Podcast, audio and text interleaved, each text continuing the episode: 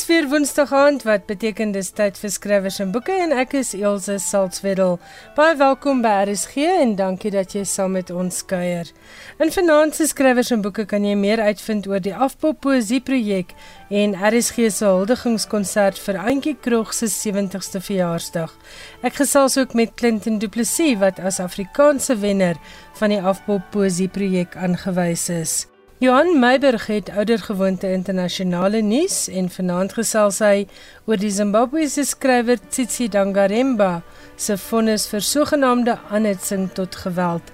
Hy gesels ook oor 'n biografie oor die Britse skilder Lucian Freud en vertel meer oor die wenner van die Nobelprys vir letterkunde Annie Arnaud.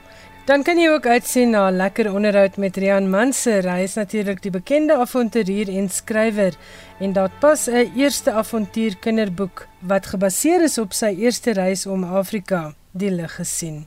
Maar eers, as jy nog altyd daarvan gedroom het om te skryf, hier is twee oulike aanlyn kursusse wat aangebied word deur Skryfnet.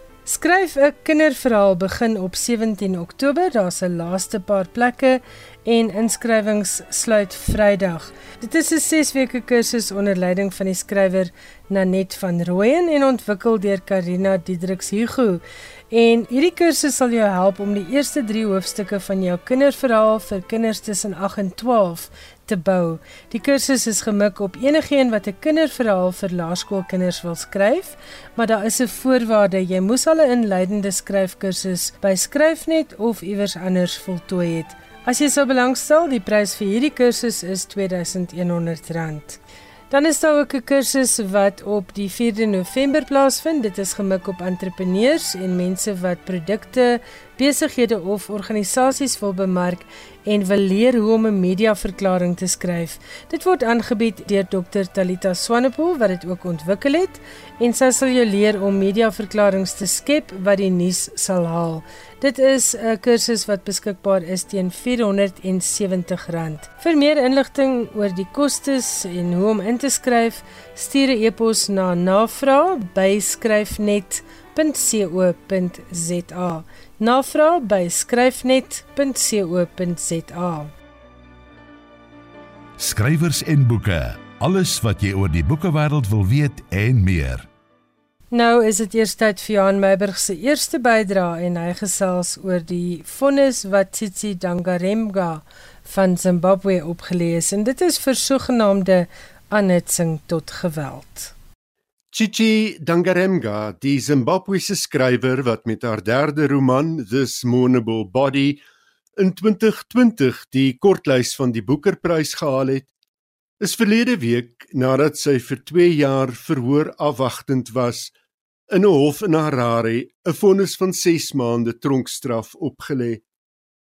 Die vonnis is opgeskort op voorwaarde dat sy haar nie in die volgende 5 jaar weer skuldig maak aan soos wat dit genoem is aanhitsing van openbare geweld nie.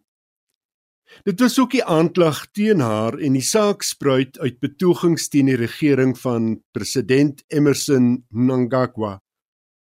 Dangaremga is besonder uitgesproke in haar taksering van die regering en sy maak jare lank al haar stem dik teen korrupsie en ten gunste van hervorming. Tydens die verhoor het sy aangevoer dat sy niks anders gedoen het nie as om gebruik te maak van haar reg om te proteseer. Buite die hof het die 63-jarige Dangaremga gesê die uitspraak is egter vir haar nie geen verrassing nie. Ons rol as landsburgers word verander na die van onderdaan, nie aktiewe burger nie, en dit in 'n demokrasie.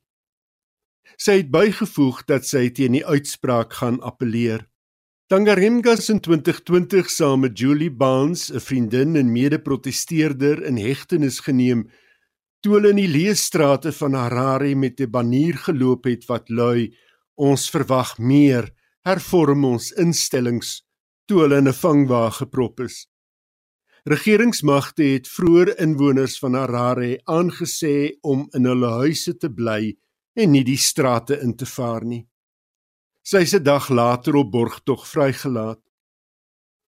Tangarimga se eerste roman, Nervous Conditions, het in 1988 verskyn 'n BBC het 20 jaar later die boek uitgesonder as een van die 100 boeke wat daartoe bygedra het dat 'n mens anders oor die wêreld dink. Nietemin kon Dangaremka destyds geen uitgewer in Zimbabwe kry wat bereid was om die boek uit te gee nie. En dit was Women's Press in Londen wat die boek gepubliseer het. Baie dankie Johan. Ons het baie probleme, maar ten minste het ons nog vryheid van spraak in Suid-Afrika en dit is waarskynlik 'n ding wat ons nie genoeg koester nie.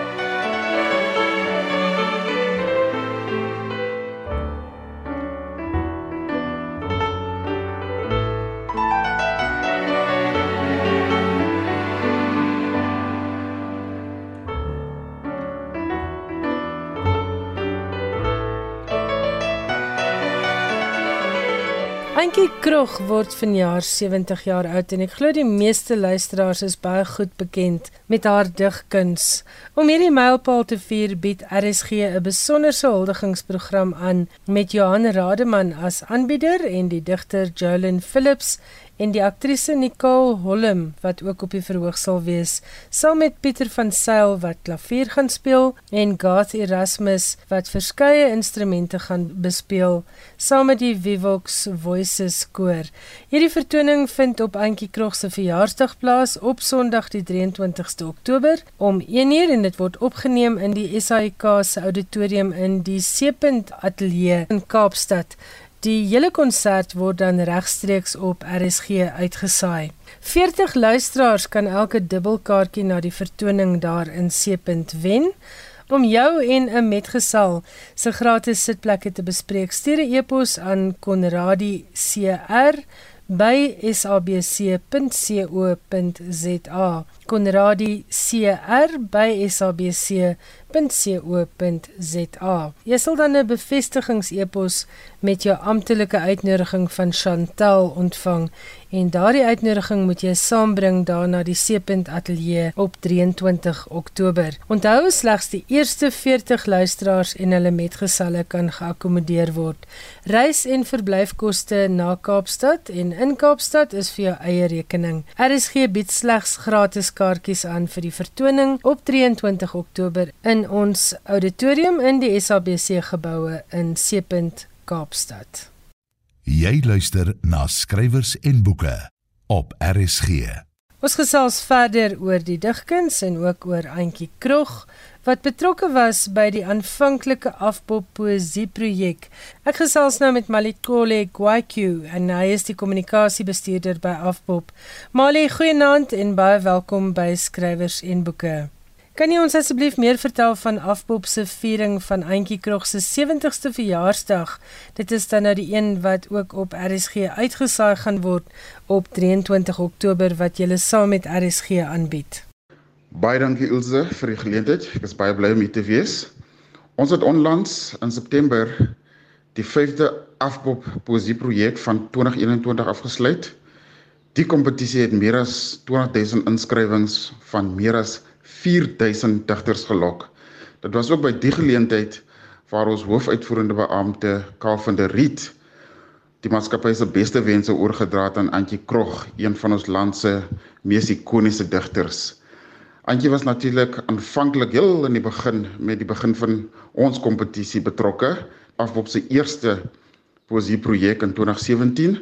Die kompetisie intussen ontwikkel tot 'n baie belangrike en gesogte jaarlikse kalenderinskrywing vir die land se digters. Boonbehalwe dit natuurlik ken baie van ons vir Antjie. Ons is vertroud met haar werke en het ons maatskappy besluit om haar te vereer as Suid-Afrikaner en as digter wat diep spore in die digwêreld getrap het. Wat dink jy van Antjie Krog se werk en wat kan jong digters by haar leer? Ek dink digters moet in voeling wees met die wêreld waarin hulle leef of met dit wat in ons gemeenskappe plaasvind. Dit is natuurlik nie 'n vereiste nie, maar dit is verrykend vir jou kuns. Ek self het um met Antjie se werke kennis gemaak destyds met die Menseregte Kommissie en later met haar baie bekende boek um Country of My Skull. En ek dink wat Antjie reg kry is um sy's in voeling met die land se temperament, sy's in voeling met die land se aspirasies, sy sy sy sy skryf oor die hoop wat ons almal het En sy het ook baie goed geskryf oor die seer waardeur ons is as 'n land en miskien nog steeds gaan as 'n nasie en as 'n land. En ek dink daar's baie wat digters kan leer om hul eie stem te kry en um hierdie stem te verfyn. En dis natuurlik 'n kuns, dis iets wat so maklik gebeur nie. Maar skrywers leer van ander skrywers. Um daar's baie verskillende elemente in die digkuns wat 'n mens kan leer van ander skrywers en van ander digters en Antjie doen hierdie werk al vir dekades en ek dink dit op sigself is iets wat digters van kan leer om te volhou aan jou kuns en dit um te verfyn soos wat jy aangaan in die lewe. Die Afpop poesie projek is nou al 'n paar jaar aan die gang. Vertel ons so 'n bietjie meer oor hierdie projek. Die Afpop poesie projek is in 2017 begin om te voldoen aan 'n universele behoefte die verwoording van verlies van 'n geliefde.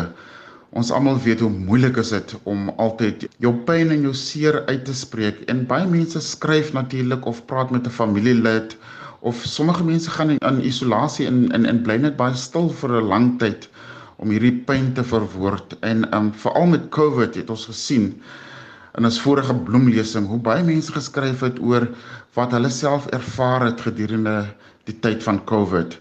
Poesie bied natuurlik mense die geleentheid om om uiting te gee aan hul emosies. Ons forum wat dit uniek maak, um bied 'n geleentheid aan al die land se digters om in enige van die land se amptelike tale te skryf en hulle emosies te verwoord. En in vanjaar se kompetisie is meer as 65% van die inskrywings of was meer as 65% van die inskrywings in inheemse tale en slegs 35% in Engels. En ek dink dit op sigself help en gee gestalte aan ons inheemse tale.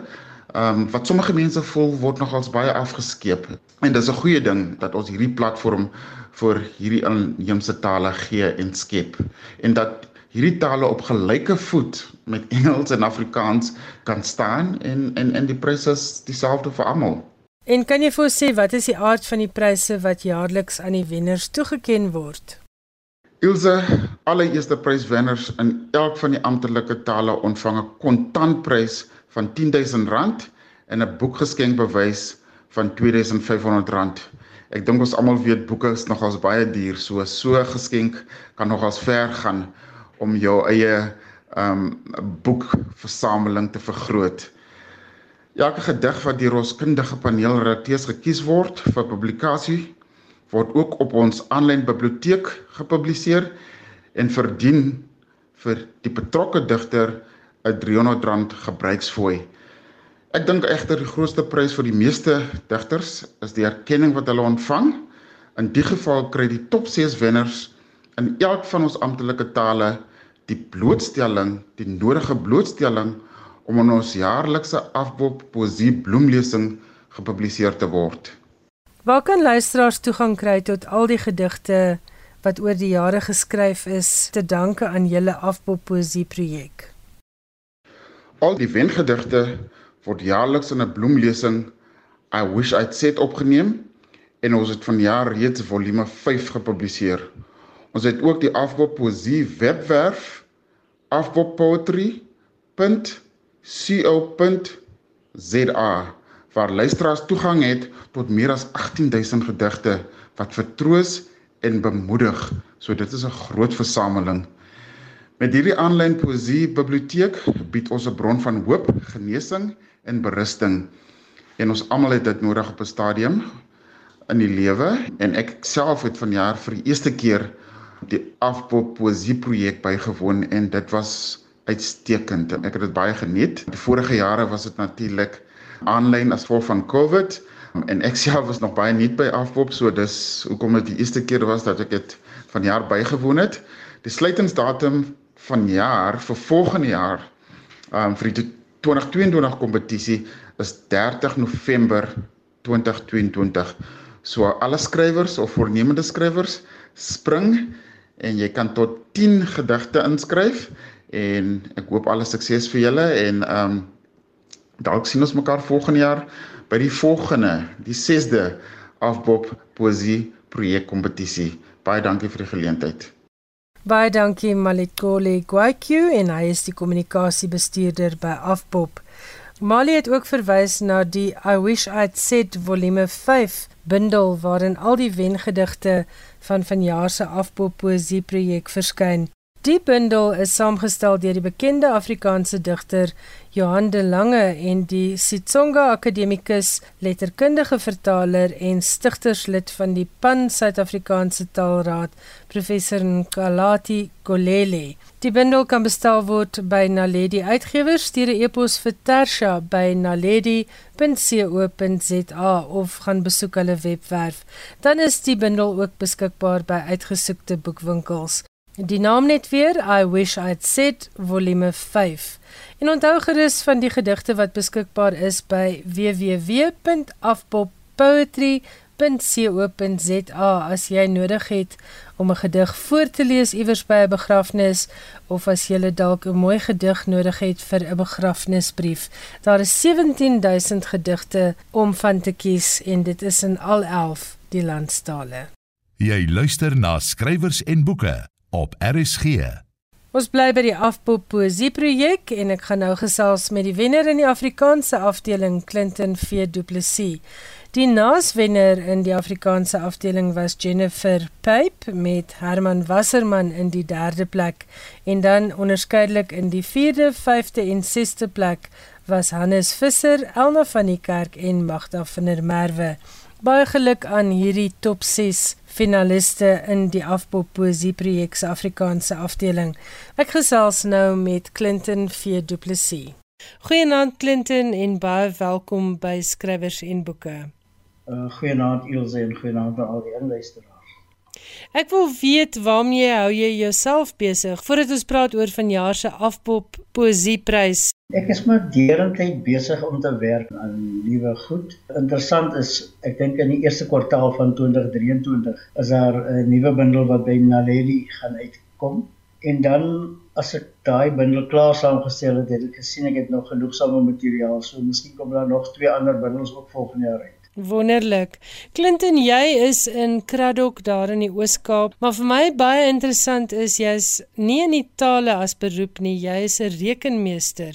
Hoe het dit dan toe nou gebeur dat jy begin dig het? Ag ek het maar altyd 'n voorliefde vir Afrikaans gehad en soos alle skrywers dink ek begin jy as jy begin lees. So ek het van 'n jong ouderdom af probeer om so wyd as moontlik te lees en ek dink dis waar die die saadjie geplant is om dan ook te probeer skryf later. Jou gedig, jou wengedig vir vanjaar se afpop poesie kompetisie heet Leemte en jy het dit opgedra aan jou pa, maar in die persverklaring wat ek gekry het, is daar 'n storie wat 'n mens aan die hartsnare pluk. En dit vertel hoe jy baie lief was vir vir al PH Norke se boeke maar daar was een ding wat in jou pad gestaan het as dit kom by die uitneem van hierdie boeke en jou pa het daar ingegryp. Vertel vir ons die verhaaltjie. Ja, daar was 'n voorlesing van hierdie spesifieke boek van Pianortjie, die Groen Goen destyds op die radio gewees. En ek kon nie altyd byhou met al die voorlesings nie, so ek het vir my pa gesê ek, ek sou graag hierdie boek in die hande wil kry om te lees. Maar by dorpie waar ons groot geword het, Kookhuis, was daar 'n biblioteek en destyds met die Wetenskapparke geriewe was die biblioteek gereserveer slegs vir een uh, bevolkingsgroep. Dit sou vir my onmoontlik wees om die boek in die hande te kry. Maar my pa het toe bewimpel via sy uh werkgewer die ou was ook verbonde met Suid-Afrikaanse spoorwegnawels en hy het toe die boek gaan uitneem op sy naam en vir my pa gegee. En so het ek uiteindelik die boek in die hande gekry en kon dit lees. So ek is hulle albei oneindig dankbaar. Dis 'n mooi en hartseer storie want 'n mens vergeet baie keer waardeur is ons mede-Suid-Afrikaners. Iets so eenvoudig soos 'n boek wat nie by 'n kind kan uitkom nie. Dis duidelik dat jy en jou pa 'n egte band gedeel het. Vertel vir ons meer van hom. My pa het nie ver gevorder op skool nie. Ek meen destyds, ek dink hy staan op 4 gehad. Maar ek dink as jy nou uh, vergelykings mag tref, Destyds se standaard 4 was seker nie ver verwyderd van deesdae se graad 12 nie. uh maar, maar hy was ook 'n man wat daarvan gehou het. Hy elke Sondag probeer om sy koerant te lees. En hy was 'n pragmatiese man. Jy weet, hy was nooit dogmaties nie. en het jy altyd probeer sê kyk na enigiets uit soveel hoeke as moontlik. So daai daai oogpunt het ek baie geleer by. Clinton die belangrikheid van iets soos 'n poesie kompetisie in 'n tyd waarin dit moeilik is om digbundels eerstens op die mark te kry en tweedens om digbundels en boeke in die algemeen te verkoop. Vertel vir ons wat beteken 'n kompetisie soos die Afpop poesie projek vir jou? Ek meen enige skrywer wat nie sê dit het 'n invloed op hom nie, uh, is besig om te lieg. Weet skrywers die opereer in 'n omgewing waar dit soms lyk uh hier's die enigste keers wat brand in die donkerte. En as hierdie tipe erkenning na jou kant toe kom, spoor dit jou tog aan. Jy weet al daai eensame ure wat jy alleen in 'n donker kamer of met 'n geslote deur sit, dan is hierdie soort van erkenning te doen goed. Dit gaan terug na daai drama van PG Du Plessis. Ons almal het met daai behoefte van ons wil van geweet wees. Dis waar, né? Ja. Hierdie is ook 'n veeltalige kompetisie. Dit word gehou in al 11 landstale. Hoe belangrik dink jy is dit dat al die al die stemme, al die verskillende registers van Suid-Afrika se mense en hulle tale gehoor moet word? Ek dink dit is baie belangrik want so neem ons kennis van skrywers wat jy andersins nooit van bewus sou gewees het nie. En dit is dan ook wat wat ek baie geniet van die bundel wat uitgegee is na die tyd by die by die wengedigte wat ek interessant vind van die publikasie is dat uh, van die wengedigte is uit die ander inheemse tale is almal vertaal in Engels. So daardeur kry ons toegang tot tot die hele register. En ons hoor mekaar, né? Ek dink dit is die belangrikste boodskap. Ons kry mekaar se ervarings en emosies te sien. Ons het vir 'n baie lang tyd verby mekaar gepraat en ek dink juist dat die poesie is een van daardie gesprekspunte waar ons kan probeer om op 'n ander vlak as net as as mense ons belewennisse te kan deel. Clinton, ek wil vir jou vra of jy vir ons jou gedig Leemte kan voorlees ter afsluiting. Goed. Leemte. 25 jaar gelede jou vertrek. Steeds verlang ek om weer kniehoogte neffens jou te stap. Die stil sekerte van jou aanraking op my hoof ek kaalvoet kortbroek my hand in joune as ons die straat sou kruis. Hierdie land was 'n ander plek pa. Ons stoor nou drome in trommels in buitekamers die bome wortelkrake in die oprit langs ons huis. Tog onthou ek jou soos die omslag van 'n spesiale boek. Ek het 'n skildery van jou ou foto laat maak geraam. Jy preek op die lys bo die kaggel dwars deur hierdie winter gloei die kole maak ons vir beter warmte. Maar hierdie huis is 'n ander plek pa en ek ek is 'n stoker sonder lokomotief, 'n roepman sonder skofkaarte, 'n kondukteur op 'n spooktrein, 'n vergete passasier op 'n koue donker plein. Ek wag vir jou met jou jas en my tas. Dis pragtig. Dit is Clinton V Du Plessis se wengedig Leemte en dit is opgedra aan sy pa. Clinton, wat was jou pa se naam? Uh Robert. Robert Du Plessis. Plessis, dis reg. En as 'n medespoorwegkind wil ek vir jou sê daardie gedig het baie definitiewe herinneringe in my kop opgeroep. My pa was ook op die spoorweë en dis dis so 'n belangrike hoofstuk van ons land se geskiedenis wat ons dan ook so saam met ons paas belewe het. Ja nee, dit is vir veral veral nou in hierdie in hierdie tydsgewrig waar stasies en allerlei tipe mense word vergeet. Clinton baie dankie dat jy vanaand met my gesels het en ek sien uit na daardie bundel volgende jaar. Nee baie dankie Elsje dat jy my genooi het. Was 'n plesier en 'n voorreg. Jy het geluister na Clinton V Du Plessis se pragtige gedig wat hy opgedra het aan sy pa. Clinton was die Afrikaanse wenner van vanjaar se Afpop poesie projek. En as jy nou geïnspireerd is om self 'n gedig te skryf, die sluitingsdatum vir Afpop poesie projek 2023 is reeds aan die einde van November hierdie jaar, die 30ste November 2022. Kry meer inligting by Afpop poetry.co.za of op enige van hulle sosiale media platforms. Jy kan doeteenvoudig intik afpop poetry en jy sal op een van hulle skakels sal jy meer inligting kry. Jan Meiburg het nou vir ons nuus oor nuwe uitgawes van twee biografieë oor die Britse skilder Lucian Freud. Iets oor 'n nuwe biografie wat nou in sagte band uitgegee is. En wel oor die Britse skilder Lucian Freud wat in 2011 in die ouderdom van 88 dood is. Freud, die man wat so uitgestaan het vir sy portrette waarin hy nie net die mense lyf in verf vasgevang het nie, maar ook die mense siege, het altyd geweier dat 'n biografie oor hom verskyn terwyl hy nog lewe. Sy oorweging was dat hy vry wou lewe en nie vasgeskryf word nie. Nietemin het hy uitvoerige gesprekke oor sy sienings en oor kuns gehad met die Britse kunskritikus William Fever. En dit is Fever wat die biografie The Lives of Lucian Freud Youth wat strek van 1922 tot 1968 in 2019 gepubliseer het en die volgende jaar The Lives of Lucian Freud Fame wat strek van 1968 tot 2011. Daarby het Fever toegang gehad tot Freud se private dokumentasie en het hy ook onderhoude gevoer met vriende en familie van die kunstenaar. Nêrens in sy biografie probeer Fever of Freud op die spoor van sy oupa Sigmund soek na oorsaak en gevolg nie. Albei die boeke word nou in sagte band en dalk meer bekostigbaar uitgegee deur Bloomsbury.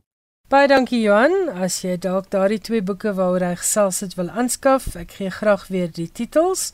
Dit is The Lives of Lucian Freud, Youth wat strek van 1922 tot 1968 en dan die tweede gedeelte The Lives of Lucian Freud, Fame wat strek van 1968 tot 2011.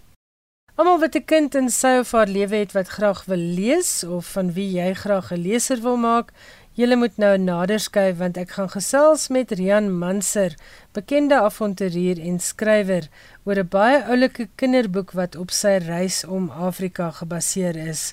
Rian is nogal 'n moeilike man om vas te pen vir 'n onderhoud want hy is altyd op reis iewers heen, maar ek was gelukkig genoeg om met hom 'n onderhoud te kon opneem in 'n restaurant kort nadat hy van 'n oorseese reis met sy gesin teruggekeer het. Lekker luister. Dis vir my heerlik om vandag met Rian Manser te gesels. Rian het al 'n hele paar fantastiese avontuurboeke geskryf.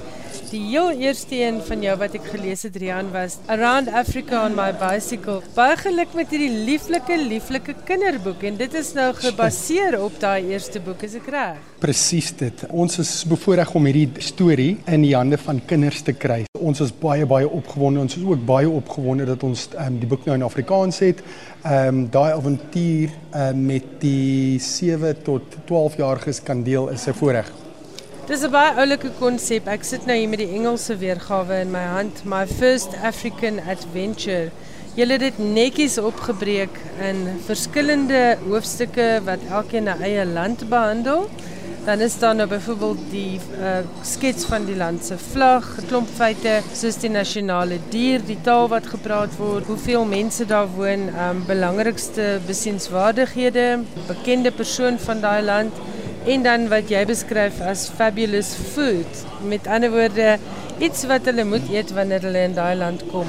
Hoe het die idee ontstaan om van jou reise 'n kinderboek te maak of het dit maar te doen met die feit dat jy seentjies het? Dit is definitief die feit dat ek nou seentjies het. So ek sien die wêreld maar uh, definitief anders as wat ek nou voor dit gesien het, maar dit was eintlik 'n 'n 'n lekker storie wat ek met mense deel is hoe uh, my vriend Mary Williams wat 'n uh, eh, joernalis is en natuurlik die kinderboek saam met my geskryf het. Ons was besig ek en my vrou om te oefen vir die Cape Epic en ons was op pad op so groot heuwel in Somerset Wes en so in die verte so 'n halwe kilometer van ons af kon ek sien hoe iemand uh, met 'n kind voor op hulle fiets aflig met hierdie bult en die blonde hare wat so waai in die wind. En toe hulle nader kom, sien ek o nee man, dis Mary en sy dogtertjie Beth. En Beth was miskien so 5 en 'n half, 6 jaar oud en hulle stop so oor kan die pad en ons waai en ons sê hoe gaan dit? Beth skree toe en sy sê You have to write a book for children.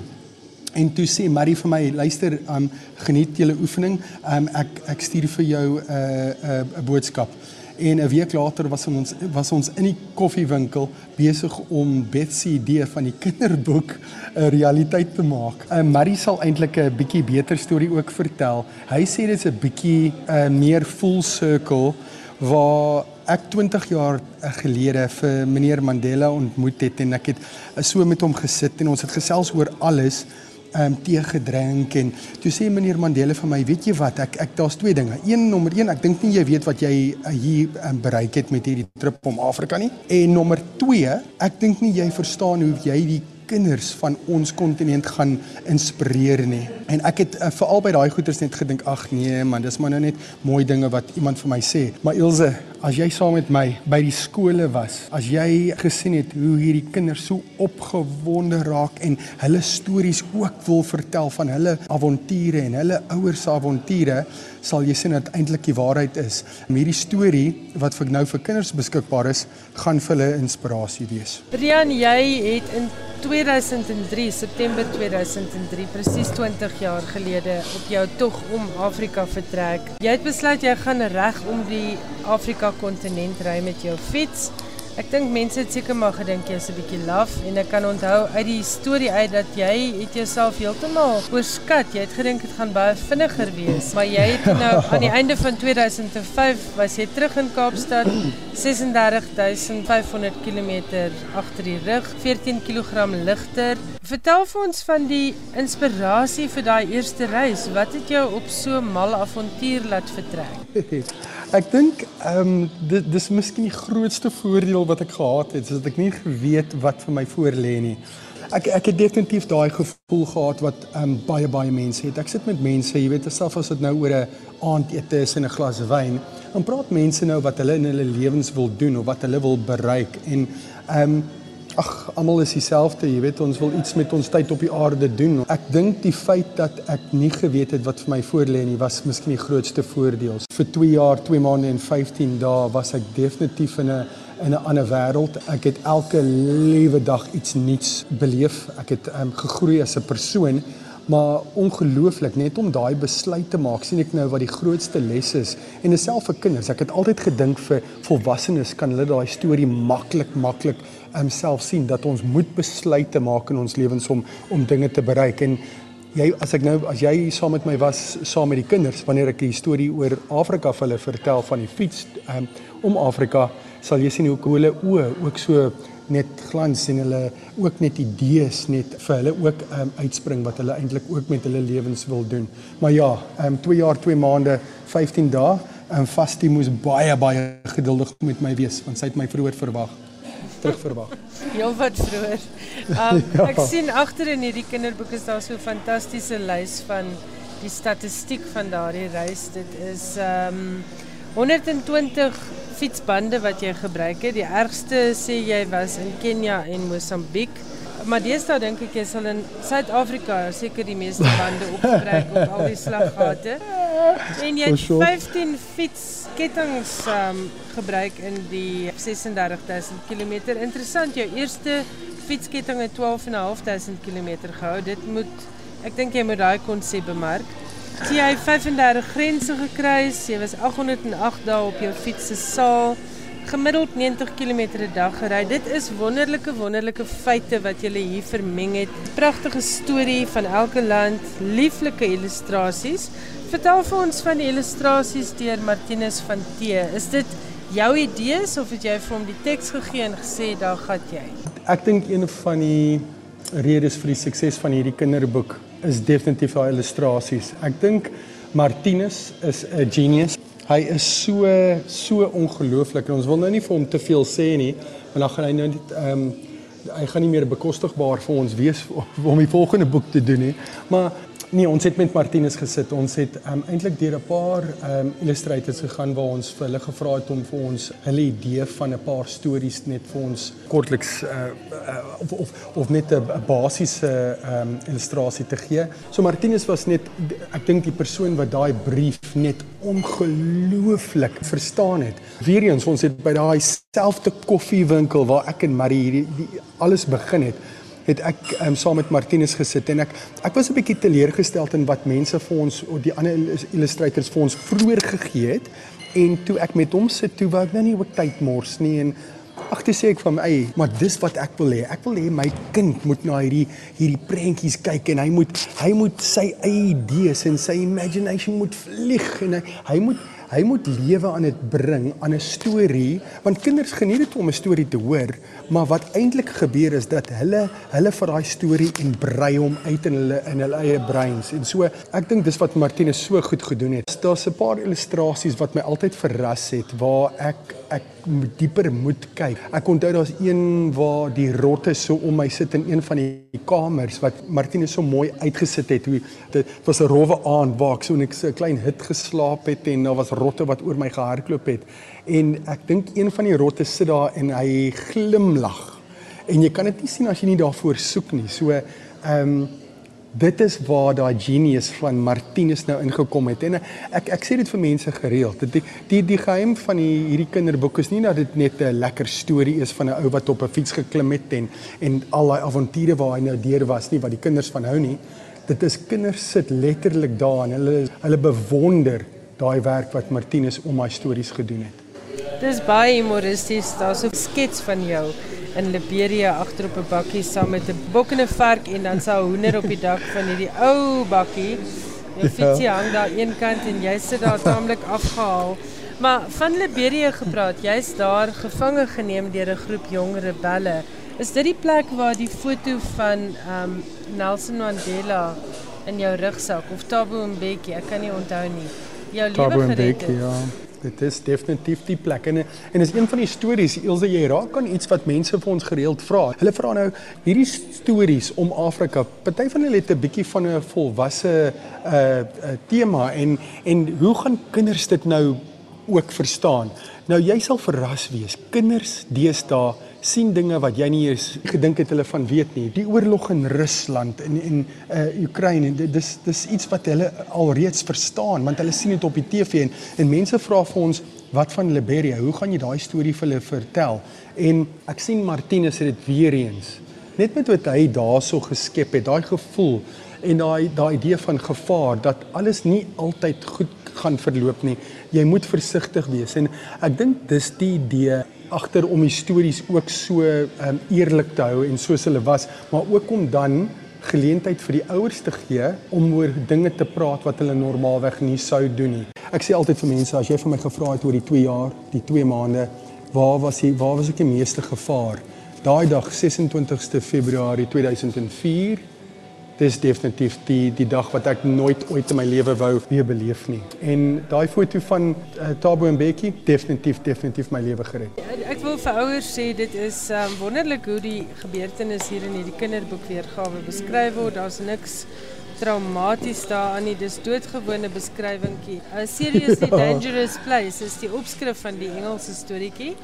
En 'n oulike vlugtige beskrywing van hier is 'n civil war aan die gang kort verduideliking countrymen fighting each other in a terrible mess. Met ander woorde daar word nie bloed en uh, mm, mm. oorlogsgegevens gedeel nie, maar dit gee die ouer 'n uh, aanknopingspunt.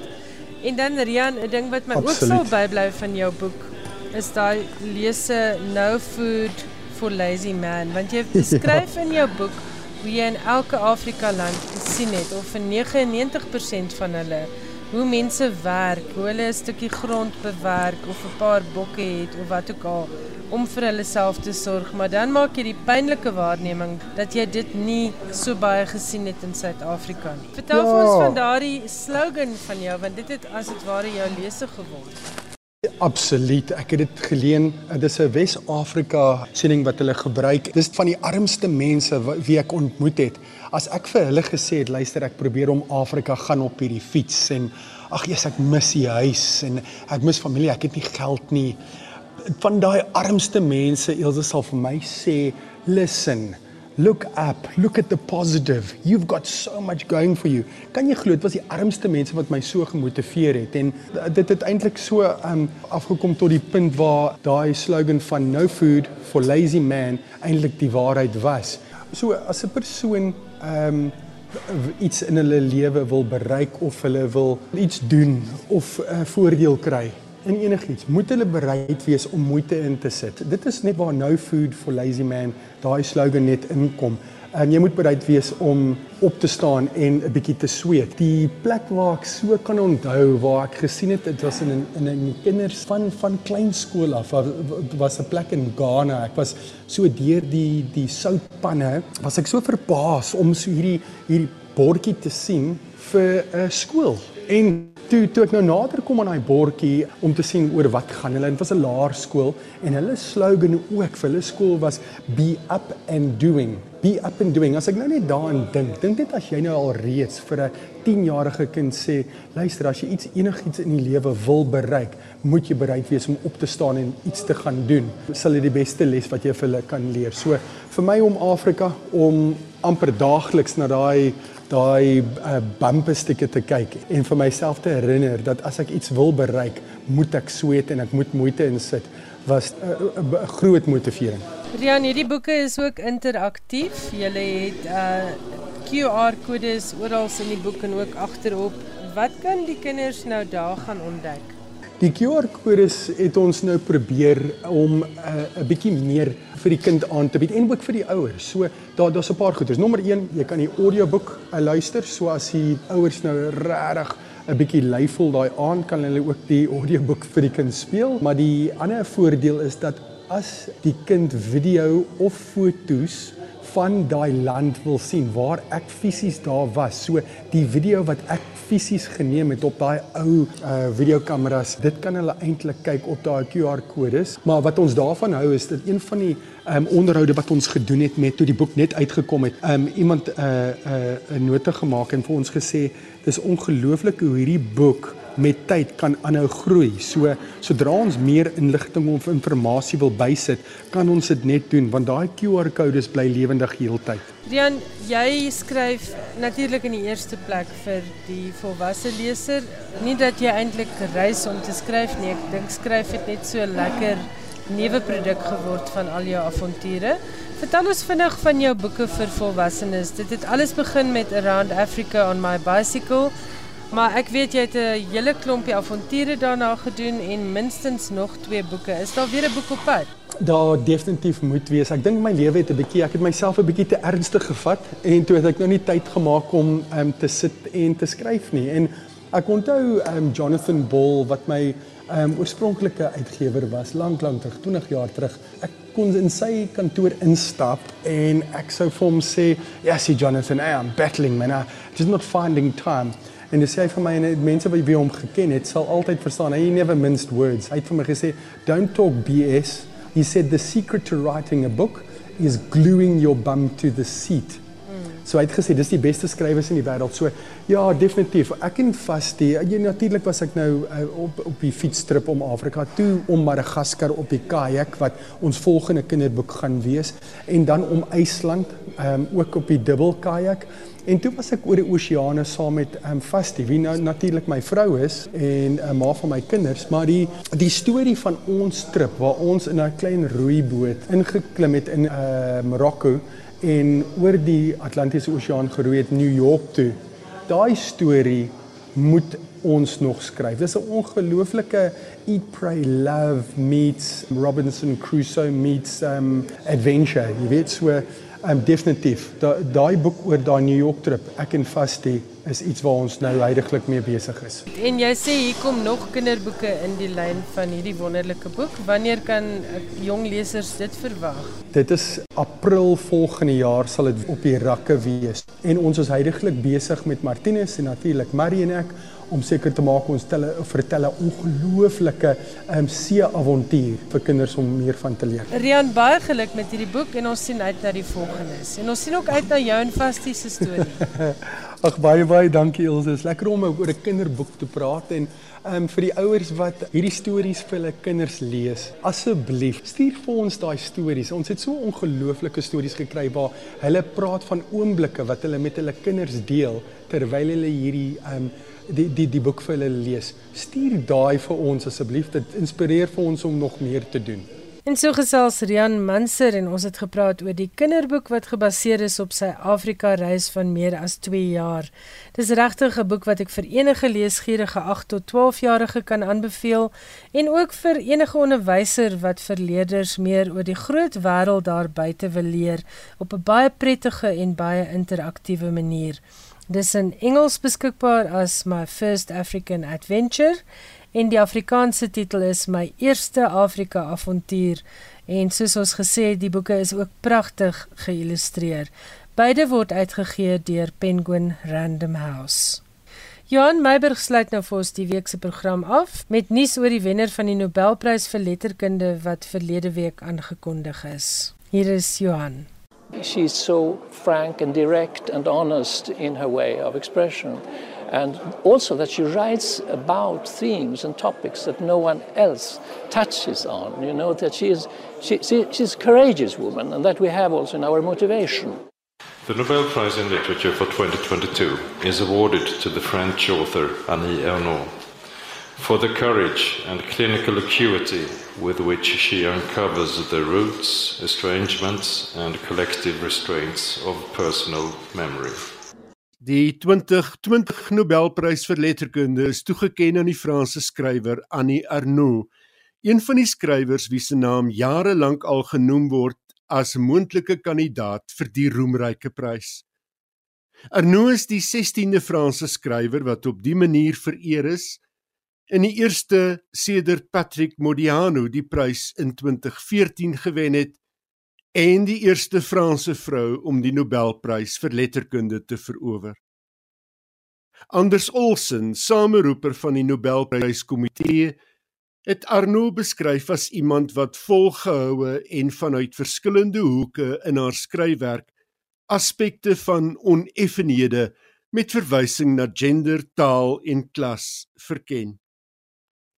Die 82-jarige Arno was in 2019 op die kortlys van die Booker International met haar roman wat vertaal is as The Years, 'n boek wat beskryf is as die kruispunt van romankuns, outobiografie en nie-fiksie. Haar Franse uitgewer Jacques Testard het gesê as sy aan haar skryfwerk dink, veral met betrekking tot die rol van geheue kom die naam van Marcel Proust onwillekeurig by hom op. Maar daarby ook die van Simone de Beauvoir, veral met betrekking tot feminisme, hoewel die twee vroue uit verskillende agtergronde kom. Britse uitgewer Fitzgeraldo het reeds 8 boeke van Arno in vertaalde weergawe gepubliseer en nog 2 verskyn binnekort.